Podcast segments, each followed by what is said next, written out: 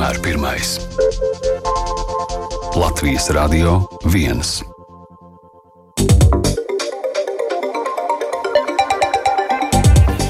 Esiet sveicināti sestdienā, 23. decembrī, ir tieši 12. un sāk skanēt Latvijas radio dienas ziņas studijā Eigars Rozenbergs. Daži temati, kas izskanēs turpmākajās minūtēs.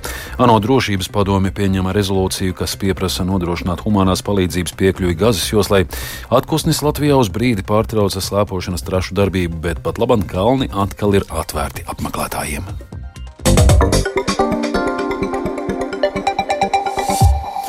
ANO drošības padome vakar pieņēmusi rezolūciju, kas pieprasa pastiprināt humanās palīdzības piegādes kara pārņemtajā Gazas joslā, taču no dokumenta svītrota sākotnēji iekļautā prasība pārtraukt kardarbības starp grupējumu Hamas, kuru ASV un Eiropas Savienība uzskata par teroristisku un Izrēlu. Pēdējās nedēļās ar vienu pastiprinās starptautiskais spiediens uz Izrēlu piekrist uguns pārtraukšanai, lai mazinātu Gazas civiliedzīvotāju ciešanas, vairāk stāsta Uldis Čēsberis.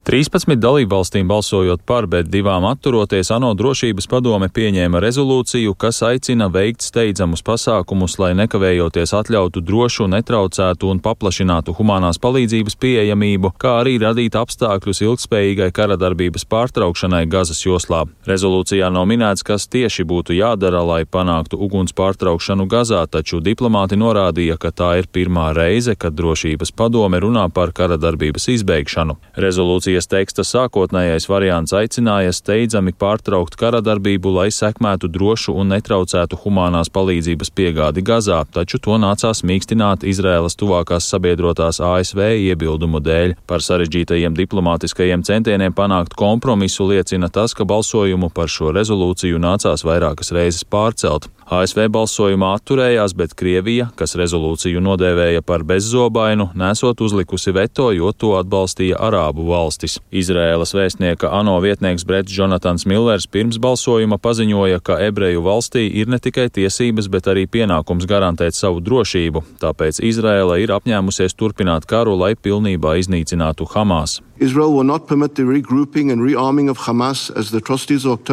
Izraela nepieļaus Hamas pārgrupēšanos vai pārabruņošanos, lai nepieļautu 7. oktobra slaktiņa atkārtošanos. Hamas ir genocīda teroristu organizācija. Hamas rada tiešus draudus Izrēlai, Gazai un reģionālajai stabilitātei. Lai veicinātu drošību, šai padomē ir jākoncentrējas uz Hamas draudu iznīcināšanu. Tā ir jākoncentrējas uz ķilnieku atbrīvošanu, tā ir jākoncentrējas uz to, lai nepieļautu, ka Hamas ļaunprātīgi izmanto humāno palīdzību, tā ir jākoncentrējas uz to, lai nepieļautu Hamas terorisma infrastruktūras izplešanos. ANO ģenerālsekretārs Antonio Guterres pēc drošības padomes balsojuma paziņoja, ka humanitārais pamiers ir vienīgais veids, kā izbeigt Gazas civiliedzīvotāju ciešanas, ko radot Izraēlas aviācijas intensīvie uzlidojumi un sauszemes operācijas blīvi apdzīvotos rajonos. I hope that today's Security Council resolution may help that finally to happen. Es ceru, ka drošības padomes pieņemtā rezolūcija palīdzēs tam beidzot notikt, taču steidzam ir nepieciešams veikt vēl vairāk. Raugoties ilgtermiņā, mani ārkārtīgi sarūktina Izraēlas augstāko amatpersonu komentāri, kas liek apšaubīt divu valstu risinājumu. Lai cik sarežģīts tas šodien varētu šķist, divu valstu risinājums saskaņā ar ANO rezolūcijām, starptautiskajām tiesībām, tiesībām un iepriekš noslēgtajiem nolīgumiem ir vienīgais ceļš uz ilgspējīgu mieru. Jebkurš cits priekšlikums noliedz palestīniešu tautas cilvēktiesības, cieņu un cerību, izraisot dusmas, kas atbalsojas tālu aiz Gazas joslas robežām. Tas arī liedz Izrēlai drošu nākotni. Gazas veselības ministrija, ko kontrolē Hamas, šonadēļ paziņoja, ka kopš kara sākuma Gazā ir nogalināti 20 tūkstoši cilvēku, kas ir aptuveni 1% no teritorijas iedzīvotāju kopskaita pirms kara. ANO apgalvo, ka vairāk nekā pusmiljons, jeb aptuveni ceturtā daļa Gazas iedzīvotāju cieš badu. Uldis Česberis, Latvijas radio. Krievija izveidojusi viltus avio kompāniju un nelegālo migrantu pārvadāšanai uz Eiropu caur Mīnsku. Tā ziņo Vācijas tabloīds Bild. Šī kompānija Southwind Airlines bāzēta Turcijas pilsētā Antalijā un izveidota pēc Krievijas pilna apjoma iebrukuma Ukrainā sākuma. Tomēr tās trīs lidmašīnas un lielākā daļa darbinieku ir no Maskavas uzņēmuma Nordwind Airlines. Bilde atsaucoties uz polijas varas iestādēm atzīmē, ka jaunie reisi ir mēģinājums apiet sankcijas un ir solis uz plānota migrantu pieplūduma organizēšanu caur Krieviju un Baltkrieviju, lai padziļinātu migrācijas krīzi.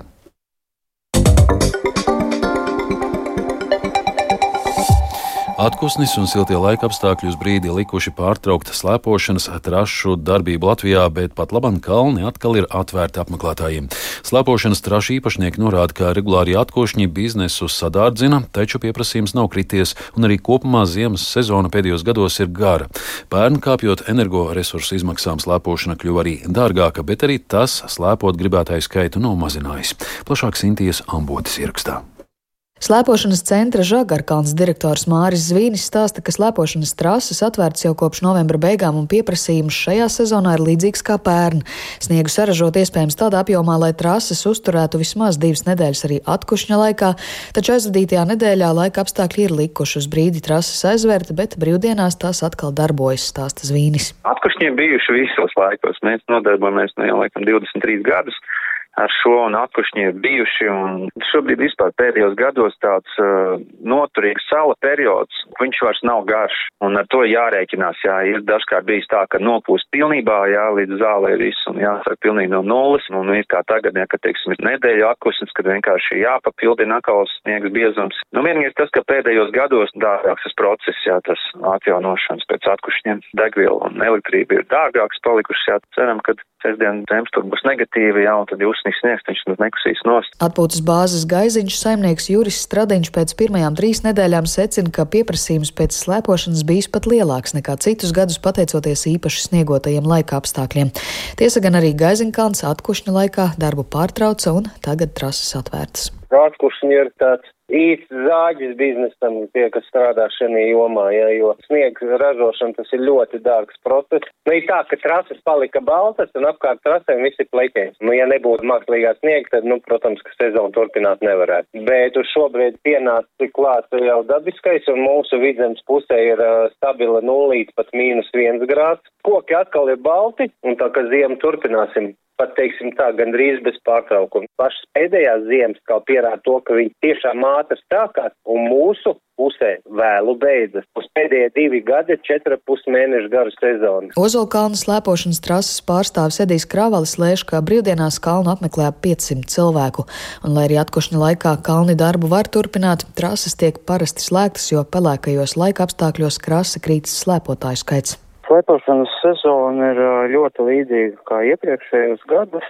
Trases mēs aizvērām atkušņā laikā nedēļa tā, ka mums trūkst sniega, bet ir laika tāds, tāds kāds viņš ir, un tad tas pieprasījums pēc slēpošanas īsti nav.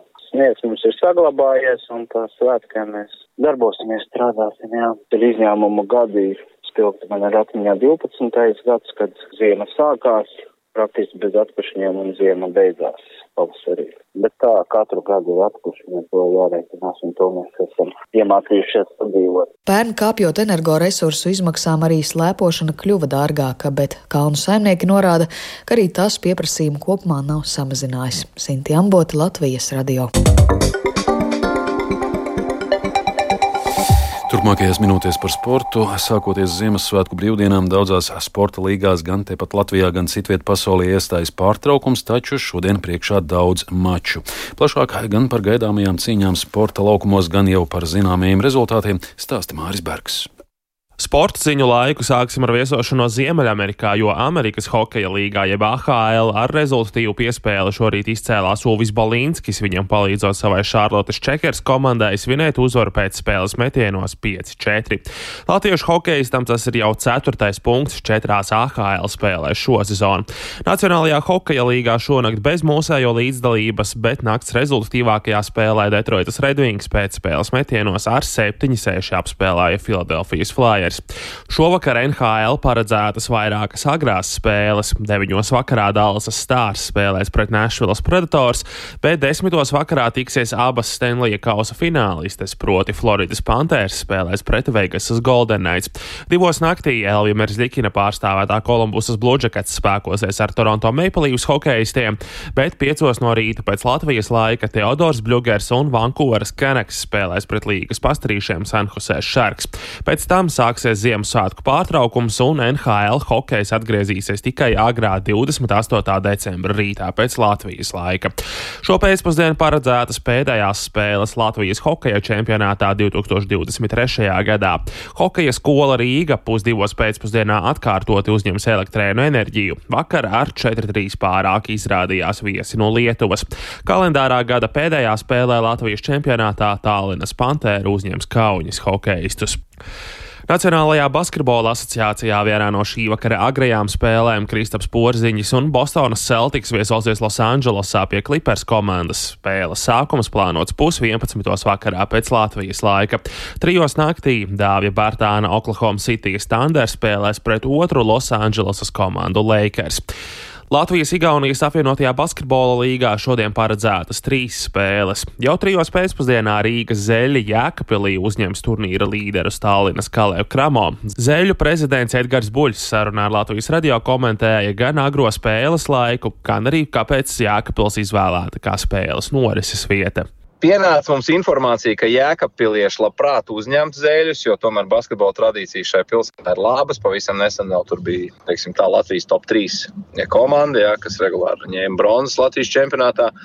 Vēl viena interesanta nianses, ka par cik tā ir spēle pirms Ziemassvētku dienā, tad uh, gribējās viņu mazliet agrāk, agrāk pa dienu, lai tomēr, ja skatītāji fani var jau pēc tam laicīgi atgriezties pie ģimenēm un sāk gatavoties Ziemassvētku svinēšanai. Piecos pēcpusdienā Pērnavas komanda spēlēs pret Tallinas Kalēvas snabu, bet septiņos vakarā Valmieras basketbolisti uzņems Prometēju mainiekiem ienākumus no biļetēm ziedojot savus bērnu ciematam Valmierā. Par sportu šobrīd man tas arī viss.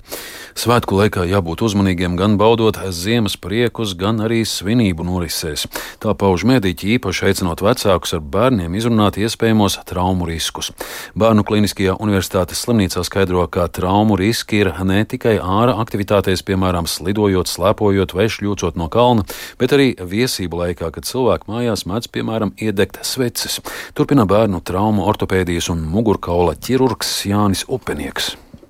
Galvenā lieta būtu, piemēram, pārunāt ar bērniem pamatlietas, pārunāt ar viņiem ziemas tumšajā periodā ceļu satiksmes noteikums. Ja bērns, piemēram, iet ārā spēlēties, tad kaut kā viņš bumbu dzenā pagalmā, lai viņš neizskrien kaut kur uz ceļa un tā tālāk pārunāts par to, ka, nu, ja viņš dodas, piemēram, uz tā kalna, jā, tad, nu, lai viņi ievēro tā, ka nebrauc viens otram virsū un tā tālāk, jā, un, un principā, nu, šīs te lietas, jā, un, teiksim, mājas apstākļos, protams, mēs esam bērniem blakus, mēs it kā viņus visu laiku pieskatām, bet tik un tā, nu, tas ir parasti tā ir sekundes daļa, kurā šī trauma notiek.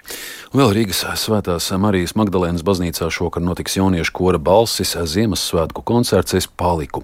Koncerta pirmajā daļā skanēs Morisa Durufalē, Karla Dženkinsa, Mortena Lauritsena, Helmera Pavasara, Adriana Pīkoka, Uģa Prauliņa, Imanta Ramiņa, Urmasa Sisaska, Erika Vitakere Adventes un Ziemassvētku laika mūzikas opusi. Savukārt otrajā daļā izskanēs komponista Valta Pūces vokāla instrumentālā cikla gadlaiku dziesmas daļa Ziemas ceļa ar Amandas aizpurietas dzēju. Koncerta izskaņā vairākus Ziemassvētku korāļus dziedāšot kopā ar klausītājiem. Izskan Latvijas radio dienas ziņas. Producents Viktors Pupīks ierakstus montēja Renāšu Šteimanis par labskaņu rūpējās Kārlis Ārāšmanis. Studijā Eigars Rozenbergs vēlreiz īsumā par svarīgāko. ANO drošības padomi pieņem rezolūciju, kas pieprasa nodrošināt humanās palīdzības piekļuvi Gazas joslai. Atkosnis Latvijā uz brīdi pārtrauca slēpošanas trašu darbību, bet pat laban kalni atkal ir atvērti apmeklētājiem. Vēl par laikapstākļiem. Yeah. Galvaspilsētas centrā plus 1 grāds pūšlēns austrumu vējš, atmosfēras spiediens 733 mm, relatīvais gaisa mitrums 96%. Sinoptiķi prognozē, ka šodien Latvijā gaidāms lielākoties mākoņdienas laiks, daudz vietā nokrišņi, slapjš sniegs, sniegs, piekrastē arī lietus. Uz vadiem un koku zariem veidosies slapjas sniega nogulums, būs slideni ceļi. Lēns vējš dienas gaitā visā valstī jau ziemeļu, ziemeļa rietumu vējš, jūras piekrastē mērens brāzmās līdz 8. 18 metriem sekundē, gaisa temperatūra - mīnus 2,3 grādi. Arī Rīgā būs lielākoties mākoņdienas laiks, ik pa laikam nokrīšņi, galvenokārt slapjš sniegs. Sniegs būs slideni trotuāri un ielas. Lēns ziemeļu ziemeļrietumu vējš, gaisa temperatūra ap nulli, laika prognoze trešā.